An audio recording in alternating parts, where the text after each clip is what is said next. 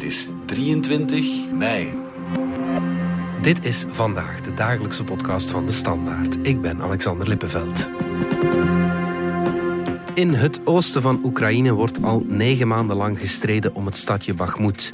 De stad lijkt nu in Russische handen te vallen, maar Oekraïne boekt elders wel een belangrijke zege op het diplomatieke front.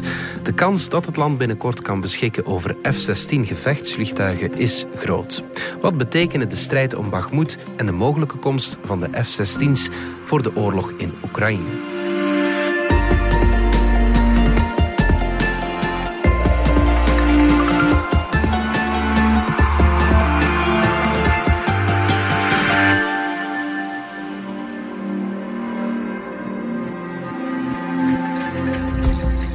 Dominic Winten van onze buitenlandredactie. We nemen deze podcast op op maandagochtend. En op dit moment is de situatie in Bakhmut, laat ik zeggen, nogal verwarrend. Ja, die is er al maanden verwarrend. Ja, ja, ja, ja. Maar ja, het is, dus zaterdag heeft Gene Prigozhin, de, de, leider van de Wagner-milities, gezegd dat de stad nu definitief in handen is van zijn troepen. Mhm. Dat werd dan ook bevestigd door Moskou. Poetin feliciteerde hem met die inname. Mhm. En ook in, aanvankelijk de Oekraïnse president Zelensky zat op dat moment in Hiroshima bij de G7-leiders aan tafel. En hij leek zo wel toe te geven dat het inderdaad nu de stad helemaal gevallen was. Mm -hmm. Hij zei zoiets van, uh, Bakhmut zit voor altijd in ons hart. For today, Bakhmut is only in our hearts. There is nothing on this place. So, just ground and, and a lot of dead Russians. Dus het gaf aan van, ja oké, we hebben ze nu echt wel verloren, de stad. Maar daar kwam ik dan later weer op terug. En dan eh, op vraag van journalisten zei hij dan van, nee, de stad is nog altijd niet helemaal in handen van, van Rusland. Iets wat ze eigenlijk al, al maanden zeggen. Ja. En vanochtend zei de vice-minister van Defensie van Oekraïne ook nog, dat ze nog altijd een klein stukje stad in handen houden. Dat er nog altijd Oekraïnse soldaten in die stad aanwezig zijn. Ja. Wat het waard is, we weten het niet. Maar je kan denk ik wel zeggen dat, dat de stad gevallen is. Eh, dat de stad nu in handen is van, van Rusland. Ja, het is ergens wel bizar hè, dat hij eerst ja, toegeeft van we zijn het kwijt. Dan, dan ja, dan het is een beetje raar. Ik denk dat het nog altijd moeilijk is om toe te geven dat de Russen daar nu toch dat succes dat ze al zo lang hebben nagestreefd hebben bereikt. Mhm. Want je moet, eh, je moet daar eerlijk in zijn, die stad, ja, die overwinning van, van Rusland, die verovering is, is vooral een Pyrrhus-overwinning. Het is een symbolische overwinning. Rusland wou dat heel graag. Ze hadden nood aan, aan, een, aan een overwinning. Symboliek is in de oorlog ook belangrijk. En ik denk dat het voor, voor, voor uh, Zelensky moeilijk is om toe te geven dat Rusland... Voor hem is symboliek ook, ook belangrijk. Voor hem is dat ook belangrijk. Dus het is moeilijk om dat, om dat uh, zo zwart op wit toe te geven. Ja, oké. Wat betekent het strategisch? Wel ja, strategisch, daar zeggen toch alle militaire analisten, dat zeggen ze al maanden, dat is die stad niet zo belangrijk. Hm. Je zou kunnen zeggen dat de Russen, nu ze de stad eenmaal hebben ingenomen, dat ze zouden kunnen, sneller kunnen doorstoten richting het westen. Dan komen de steden als Kramatorsk komen dan in het vizier. Mm Dnipro, een grote stad, meer centraal in, in, in Oekraïne, zou dan makkelijker in het vizier komen. Ik weet dat niet. Wat zeker is, is dat de Oekraïners enkele kilometers achter Bakhmut al loopgraven hebben gegraven. Dus ze gaan snel, de Russen gaan snel op die loopgraven stuiten, op dat verzet van, van, van, de, van de Oekraïners. Dus, dus het is niet zo dat ze nu zo Bakhmut hebben, dat de weg open ligt om, heel, om snel op te drukken naar, naar, naar het westen, en dus naar het centrum van, van Oekraïne. Ja. Weten we hoeveel soldaten en ook burgers er, er ja, gesneuveld zijn in Bakhmut ongeveer? Ik durf dat niet zeggen. Eh, de, de, de Oekraïners zeggen tienduizenden Russische soldaten. Ja. Dat is heel veel, maar ja, ze zijn er inderdaad ook al maanden aan het vechten. En er zijn dagen geweest waarop, ze dan, waarop de Oekraïners claimden dat ze die dag meer dan duizend Russische soldaten, vooral eh, huurlingen van, de Wagner, Wagner van Wagner, hebben gedood. Dus er zijn heel veel soldaten gestorven. Maar ook aan, aan, aan Oekraïnse kant zijn er, zijn er heel veel doden gevallen. Ja. De analyse die de meeste militairen maken is dat de Oekraïners erin zijn geslaagd om de Russen een heel hoge prijs te laten betalen voor de inname van een stad die eigenlijk niet zo belangrijk was. Ja. Dus dat ze heel veel soldaten verloren hebben. Ja, en ook ja, om eerlijk te zijn, wat ben je ermee? Er schiet niets meer van over. Er schiet, van die stad schiet niets meer over. Nee, nee, dat is duidelijk. Dus die stad was ooit een redelijk welvarende industriestad. Mhm. Ook toeristisch was dat een mooie stad. Ongeveer 80.000 mensen, dus een stadje zoals Mechelen bijvoorbeeld. Ja. Maar ja, dat schiet inderdaad, dat is pure puin dat er overblijft. Hè. Zelensky maakte in Hiroshima de vergelijking met, ja, eigenlijk is er een atoombom opgevallen. Ja. En ik denk, als je de beelden ziet, want dat zien we natuurlijk wel, de beelden van satellieten uh, en de beelden die dan gemaakt worden, die worden doorgestuurd, ook luchtbeelden, laten dat duidelijk zien. Ja, daar schiet echt, echt niks meer ja, aan over. Symbolisch dat hij dat in uh, Hiroshima verkondigt natuurlijk. Ja, ja, ja, Onze collega Roland Termoten schrijft vandaag in de krant ook dat die overwinning niet echt veel voorstelt. Vooral stel dat Oekraïne een tegenoffensief lanceert, dan zou Bakhmut wel heel snel terug Oekraïns kunnen worden. Ja, zeg maar. klopt inderdaad. Laten we ervan uitgaan dat Rusland die stad echt heeft ingenomen. Mhm. Wat er de voorbije weken wel is gebeurd, is dat de Oekraïnse troepen ten noorden en ten zuiden van de stad terrein hebben gewonnen. Mhm. Ze zijn daar wat kunnen oprukken. En dat, zeggen, dat zegt nu ook de vice-minister van Defensie van Oekraïne. We gaan de stad nu omsingelen. Dus het zou kunnen dat vooral die wachtermilities die daar zitten in die stad, dat die op een bepaald moment als ratten in de val komen te zitten. Ik weet niet of dat ook zo snel gaat gebeuren, want tegelijkertijd zegt Rusland toch ook dat ze versterkingen aan het aanvoeren zijn om die stad te verdedigen. Maar het is wel degelijk zo dat de Oekraïners een omtrekkende beweging aan het maken zijn ten noorden en ten zuiden van die stad. En dat ze dus eigenlijk die stad een beetje kunnen afgrendelen van de aanvoer van, van Rusland. Is wat de Russen eigenlijk altijd hebben geprobeerd. Dus de Oekraïners af te sluiten in die stad, zou nu eens omgekeerd kunnen gebeuren. En is dit dan het begin, of kan dit het begin zijn van dat Oekraïnse tegenoffensief waar we al ja, zo lang op wachten? Inderdaad. Ik durf dat nog, nog altijd niet zeggen. Sommigen zeggen van inderdaad, die opmars die ze begonnen zijn ten noorden en ten zuiden van Bagmoed, dat dat de eerste signalen zijn van dat tegenoffensief. Ik denk dat dat nog net iets te vroeg is. Hmm. Maar de vraag blijft natuurlijk, wat, wat, wat wordt dat tegenoffensief van, van Oekraïne? Het enige wat we zeker weten is dat ze het gaan doen, dat ze er eigenlijk ook wel klaar voor zijn. Ze zeggen ook al weken dat ze dus twaalf extra brigades hebben opgetuigd. Ja. 40, 50.000 nieuwe verse soldaten die klaarstaan. Mm Ze hebben veel westers materieel gekregen. Mhm. De tanks zijn er gekomen. Hoeveel precies weten we ook niet, maar er zijn de Leopard-tanks zijn er, mhm. kunnen ze inzetten. Ze hebben de lange afstandsraketten gekregen van de, van de Britten, die mhm. zijn er ook. Ook die zware infanterievoertuigen die nodig zijn om dat offensief te begeleiden, die zijn er ook. Alles staat klaar. Ehm, maar het echte duidelijke tegenoffensief is nog niet begonnen. Dat denk ik niet. Ja. De vraag blijft ook, waar gaan ze dat doen? Het is een heel lange frontlijn. Mhm, mhm. Eigenlijk moet je zeggen, er wordt over een afstand van 800 kilometer gevochten. Aan het oosten de Donbass, het zuiden de regio rond Gerson en Zaporizhye. Mhm, waar gaan ze proberen op te rukken? Dat is toch niet duidelijk. Ik denk nog altijd dat ze willen proberen in het zuiden een, een, een opmars te doen. Ja omdat ze dus die, die landbrug die de Russen hebben gecreëerd, ja. vanuit Rusland tot aan de Krim, dat ze die proberen in twee gaan te snijden. Dat, dat lijkt mij nog altijd een, een heel plausibel scenario. Ja, dus dat het eerder daar zal gebeuren. Maar ja, alle aandacht gaat nu op dit moment weer even naar, naar dat oosten, naar Bakhmut. En dat is dan eigenlijk de poort naar de Donbass. Hè. Dus hm. ik denk nog altijd niet dat het echt begonnen is, het tegenoffensief. Nee, ik denk niet dat we dat al kunnen zeggen. En is dat tegenoffensief, als dat start, is dat dan de endgame, om het zo uh, te zeggen? Of, of, dat zou ik nog niet zeker niet durven zeggen. Dat het zo, nee, nee, dat denk ik niet. Het is wel heel belangrijk. Mm. Voor beide kanten. De Oekraïners moeten tonen dat ze in staat zijn om terrein terug te winnen. Mm. Maar het zal heel moeilijk zijn voor de Oekraïners om, om op enkele maanden tijd of op enkele weken tijd, zoals ze dat uh, in vorig jaar in september hebben gedaan met, uh, met de regio rond Kharkov, mm om heel snel heel veel terrein te winnen. Dat gaat moeilijker worden, denk ik, op dit moment. Omdat ook de, de, Russen zich beter hebben ingegraven, beter voorbereid zijn. Zeker in de Donbass, ook in het zuiden. Die, die, die, die verdedigingslinies die zijn ook ondertussen bekend, ook via satellietbeelden, hoe dat die Russen zich daar hebben gegraven. Dus evident wordt dat niet. Ik denk dus dat we ons moeten, dat we voorzichtig moeten zijn en niet mogen zeggen van, of niet mogen denken dat, dat de Oekraïners in, in, in een paar weken tijd spectaculaire oppassen gaan, gaan doen. Dat, daarvoor is het te, te, vroeg ook, denk ik. Ja, ja.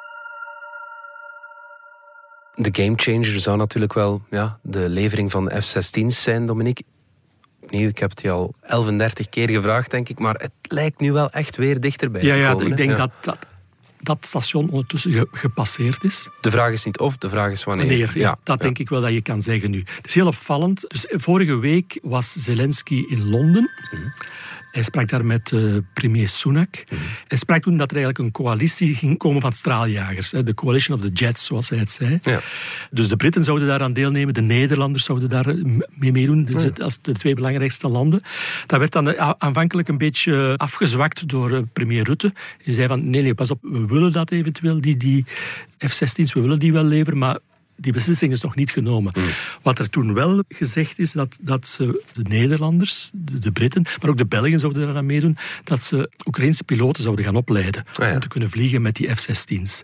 En dat was wel het signaal van, van oké, er zit iets aan te komen. Ja, want waarom zou je iemand opleiden? Als je toch dat, die vliegtuigen niet krijgt. Maar iedereen keek toen naar de Amerikanen. Tuurlijk, ja. De F-16's zijn Amerikaanse straaljagers, worden in Amerika gemaakt. En zij moeten eigenlijk de toestemming geven Ja. aan de Britten. Net aan- zoals de Duitsers bij de Leopard-tanks. eh, Inderdaad, zoals de, doen, Duitsers dat bij de Leopards moesten doen, moeten ze de Amerikanen de toestemming geven om die straaljagers dan door te geven Mm. aan, aan de Oekraïners. In Washington heerste nog altijd voorzichtigheid. Zo van Biden bleef wat rond de pot draaien.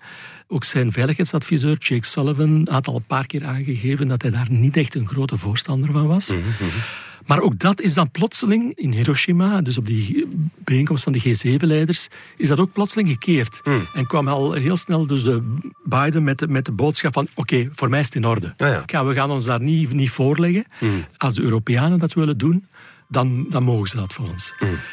I told them the United States, together with our allies and partners, is going to begin training Ukrainian pilots in fourth generation fighter aircraft, including F 16s, to strengthen Ukraine's Air Force as part of a long term commitment to Ukraine's ability to defend itself. We provided to last year all that they needed to deal with what they were dealing with at the moment. And that's when now we're moving in the direction of putting them in a position to be able to be defend themselves in ways beyond what they've had to deal with so far. And this morning, I once more shared and assured President Zelensky, together with all G7 members and our allies and partners around the world, that we will not waver. Putin will not break our resolve as he thought he could two years ago, almost three years ago. En dat is wel opvallend eigenlijk. In de oorlog, tot een paar maanden geleden, waren eigenlijk de Amerikanen altijd de voortrekkers Ja. van het leveren van wapens. Zij kwamen als eerst over de brug met die HIMARS-systemen. De luchtafweer, De luchtafweersystemen, de Patriots en zo. Ja. Zij, zij kwamen als altijd als eerste over de brug. En het waren de Europeanen die, zeker de Duitsers, eh, de Fransen, die wel met, de, met de voeten sleepten. De Nederlanders De ook. Nederlanders Ja, en nu- ook. En nu is dat helemaal omgekeerd. Eigenlijk, eigenlijk lopen de Europeanen nu voorop. Ja. En zijn het Amerikanen die wat over de streep moeten worden getrokken. Ja. En ja... Heeft dat met binnenlandse politieke overwegingen te weet maken? Of is dat, eh, Ik weet het niet. Ik denk dat Biden op, op een bepaald moment was hij het wel beu dat hij altijd als Ja. eerste het initiatief moest nemen en dat hij de Europeanen moest overtuigen. Maar op een bepaald moment hebben de Europeanen toch ook die, die, die omschakeling gemaakt, denk ik, van oké, we zeggen nu altijd wel dat Oekraïne deze oorlog moet winnen. Dat is al, al sinds Mhm. vorig begin ja, zo, maar eigenlijk van in het begin al heel snel het discours. Oekraïne moet deze oorlog winnen.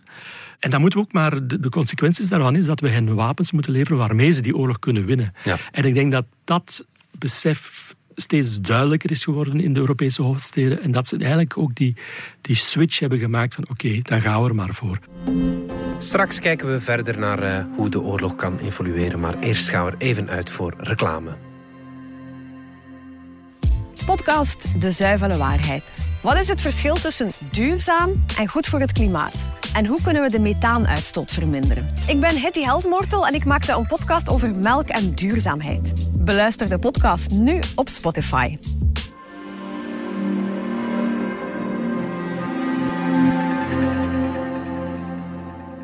Dominique, die levering van de F-16's waar we het net over hadden, dat is weer een stap verder in die hele oorlog. Hè? Ja, het is, het, eigenlijk heel, de, heel deze oorlog is een processie geweest van welke wapens leveren we? Uh, gaan we dat wel doen? Moeten we niet bang zijn voor het antwoord van de Russen? Het is altijd hetzelfde ritueeltje. En altijd een stap vooruit, dan twee stappen achteruit, dan toch weer de, de brug oversteken. En ja, de F-16's is eigenlijk de laatste stap, denk ik. Of min of meer de laatste stap op dit moment. Die F-16's, eigenlijk vragen de Oekraïners daar al sinds het begin van de oorlog om. Mhm. Hun luchtmacht is niet sterk. Ze hebben weinig vliegtuigen en die zijn, dat zijn mix, oude mix van Russische makelij nog, die dus eigenlijk verouderd zijn. Ze hebben wel luchtafweer, die hebben, dat, hebben ze gekregen, waardoor ze de Russen eigenlijk toch ook de Russische luchtmacht op afstand hebben kunnen houden. Want dat is altijd opvallend gebleven tijdens deze oorlog. De Rusland heeft zijn straaljagers ook bijna niet ingezet in deze oorlog. Omdat ze bang waren van, van die luchtafweer. Ja. Dus die werkte wel, dat systeem. Maar die, om je luchtruim echt veilig te houden, zeggen toch ook de specialisten, zijn die moderne F-16's, en dat, maar dat zijn ze toch eigenlijk nog altijd wel, mm, mm. zijn cruciaal. Dus als Oekraïne op termijn een soevereine staat wil zijn, die zijn eigen territorium wil kunnen verdedigen tegen Rusland, want dat gaat blijven. De, ook al stopt deze oorlog, die, Rusland gaat daar niet weg. Die dreiging, denk ik, gaat er altijd blijven. Hmm. Als er ooit een vredesakkoord komt, zal Oekraïne heel duidelijke veiligheidsgaranties vragen van het Westen.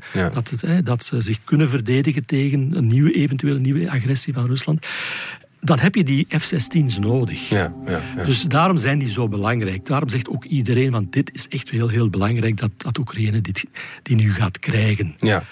Pas op, die gaan er morgen niet staan. Nee. Die opleidingen van, van die piloten gaat een tijdje duren. Mhm. Dat was ook een argument van de Amerikanen van ja, dat gaat zo lang duren voordat die Oekraïners zijn opgeleid. Die hebben geen nut in, in, in deze oorlog. Nu, wat blijkt, die Oekraïners blijken altijd heel snelle leerders te zijn. Op, op van alle systemen, ook met die tanks, uh, hebben ze heel snel onder de knie gekregen. Mhm. Er wordt nu gezegd dat ze eigenlijk op vier tot zes maanden tijd kunnen opgeleid zijn. Ja. Dat, ze, dat ze die F-16's kunnen, kunnen gebruiken. Dus dat betekent tegen het einde van het jaar dat ze die kunnen inzetten. Wat wel duidelijk is, het tegenoffensief dat ze nu willen beginnen, daarvoor gaan ze er niet zijn. Nee, ja, ja. En dus ook daarvoor zouden ze nuttig kunnen geweest zijn. Want eh, als je oprukt, moet je ook beveiligd zijn vanuit de lucht. Hmm. Dus op dat vlak komen ze wat te laat. Maar op de langere termijn, om, om, ja, ik zeg het, om dat tegenoffensief, dat gaat ook dat gaat nog maanden duren voordat het echt zijn vruchten heeft, zal afwerpen. Mm Hoopt men toch die, ja, die F-16's stilaan te kunnen, kunnen gebruiken. Ja. En hoe reageert Moskou op die ontwikkelingen? Uh, zoals altijd reageren, met uh, stoere taal. Ja. Nu, nu zeggen ze, het zal kolossale gevolgen hebben. Tot nu toe hebben al de leveringen die er geweest zijn van tanks niet geleid tot, tot een wezenlijke escalatie van deze oorlog. Ja, de Russen zijn wel weer begonnen met meer luchtaanvallen. Mhm. Tot nu toe hebben die weinig opgeleverd, omdat de Oekraïners nog altijd heel goed in staat zijn om, om de meeste van die raketten uit de lucht te halen. Mhm. Ook die supersonenraketten, uh, of die hypersonenraketten, de Kinzals, die blijken toch ook minder uh, straf te zijn dan Poetin altijd heeft gezegd. Mhm. Dus ja, ik, ik, zie niet goed in hoe dat Moskou op dit moment verder kan escaleren. Hoe ze die dreigementen die ze uiten, mhm. van hè, dit zal heel kolossaal grote gevolgen hebben, hoe ze die gaan kunnen hard maken. De enige echte escalatie die ze nog zouden kunnen doen, is het inzetten van kernwapens. kernwapens. En dan kijk je in eerste plaats naar die tactische, die kleinere kernwapens. Mhm. Dus dat gevaar blijft, maar het is lang geleden dat je het daarover gehad hebt. Dat, daarover, ja, dat we het daarover gehad hebben, inderdaad. Het geeft aan, ik denk ook dat het Westen, dus de Amerikanen, de Britten, de Europeanen, duidelijk voelen of signalen hebben gekregen dat Poetin die nog altijd niet wil inzetten. Die, dat hij dat, die stap niet wil zetten, niet durft zetten. Mhm. En ook, ja, dus ook de reactie van Biden op dat nieuwe dreigement van Moskou was redelijk laconiek. Mm Hij zei zoiets van, ja, het is hun probleem. Uh, ze zeggen, ze doen maar. Ja. Dus ook dat geeft aan dat Biden denkt van, oké, die, die tactische kernwapens, ik, ik zie het niet gebeuren. Wat wel duidelijk is, is... Uh, dat heeft Zelensky ook nog, nogmaals duidelijk gemaakt, is van we gaan die, die vliegtuigen, die F-16's, we gaan die niet inzetten om uh, te vliegen boven de Russisch grondgebied. Dus die lijn wil hij wel bewaken. Maar de Krim, Toch altijd, hè? ook dat, nog zo'n donkere wolk. Is dat dan Ja. Russisch grondgebied? Nee, dat, heeft, ja, dat is nee, duidelijk. Nee, voor het Westen en ook voor de Amerikanen is de Krim nog altijd Oekraïns grondgebied. Ja. Dus daar zouden die wel ingezet kunnen worden. Trouwens ook die, die lange afstandsraketten die de Britten hebben geleverd, Mhm. die hebben een rijkwijde van 250 kilometer. Daarmee kan Oekraïne tot het heel diep in de Krim eh, doelen treffen. Mhm. Dus als ze dat tegenoffensief echt gaan beginnen en de Krim komt in het vizier, ik denk nog altijd niet dat ze gaan stoppen aan de poorten van de Krim. Ja. Dus als de Krim echt, echt massaal beschoten gaat worden of, of gebombardeerd gaat worden door Oekraïne, gaat dan die omslag er toch weer komen bij Poetin en gaat, hij dan, gaat dan dat gevaar van die, De rode knop. de rode Ja, knop weer ja. dichterbij komen? Misschien. Ik denk nog altijd ook dat de rol van China in, rond dit thema niet, niet onbelangrijk is. Ik denk dat, zeggen toch ook veel diplomaten, dat de Chinese president aan Poetin heeft gezegd van je mag, ik ga me niet te veel moeien in deze oorlog. Eh, We steunen je zelfs nog altijd. Maar als je kernwapens gaat inzetten, dan trekken we onze handen af van u. Ja. En ik denk dat dat ook nog altijd wel meespeelt. Dus die escalatie met kernwapens, dat kan, hij, hij- hij kan dat, Poetin. Maar ik denk dan dat hij op dat moment ook de oorlog verliest. Ja. Dat, dat, dat het moment is dat hij dan alle controle, Alle controle kwijt kwijt is. is, ja, En de, zover wil hij nog altijd niet gaan. Ik denk, hij, hij vecht nog altijd voor, ook voor zijn overleven. Mhm. Dat mag je ook niet onderschatten. Als hij de steun van China verliest, van, eh, van heel de wereld, van India verliest, dan, dan, Dan schiet er niets meer dan over. schiet er niets Ja. meer over. Goed, Dominique Minten, dankjewel. Graag gedaan. Dit was vandaag de dagelijkse podcast van De Standaard. Bedankt voor het luisteren. Volg ons op Spotify, Apple Podcast of eender welk ander podcastplatform. In onze gratis app DS Podcast kan je niet alleen ons werk beluisteren, maar ook de beste podcasttips terugvinden. Alle credits van de podcast die je net hoorde vind je op standaard.be-podcast. Reageren kan via podcast.standaard.be.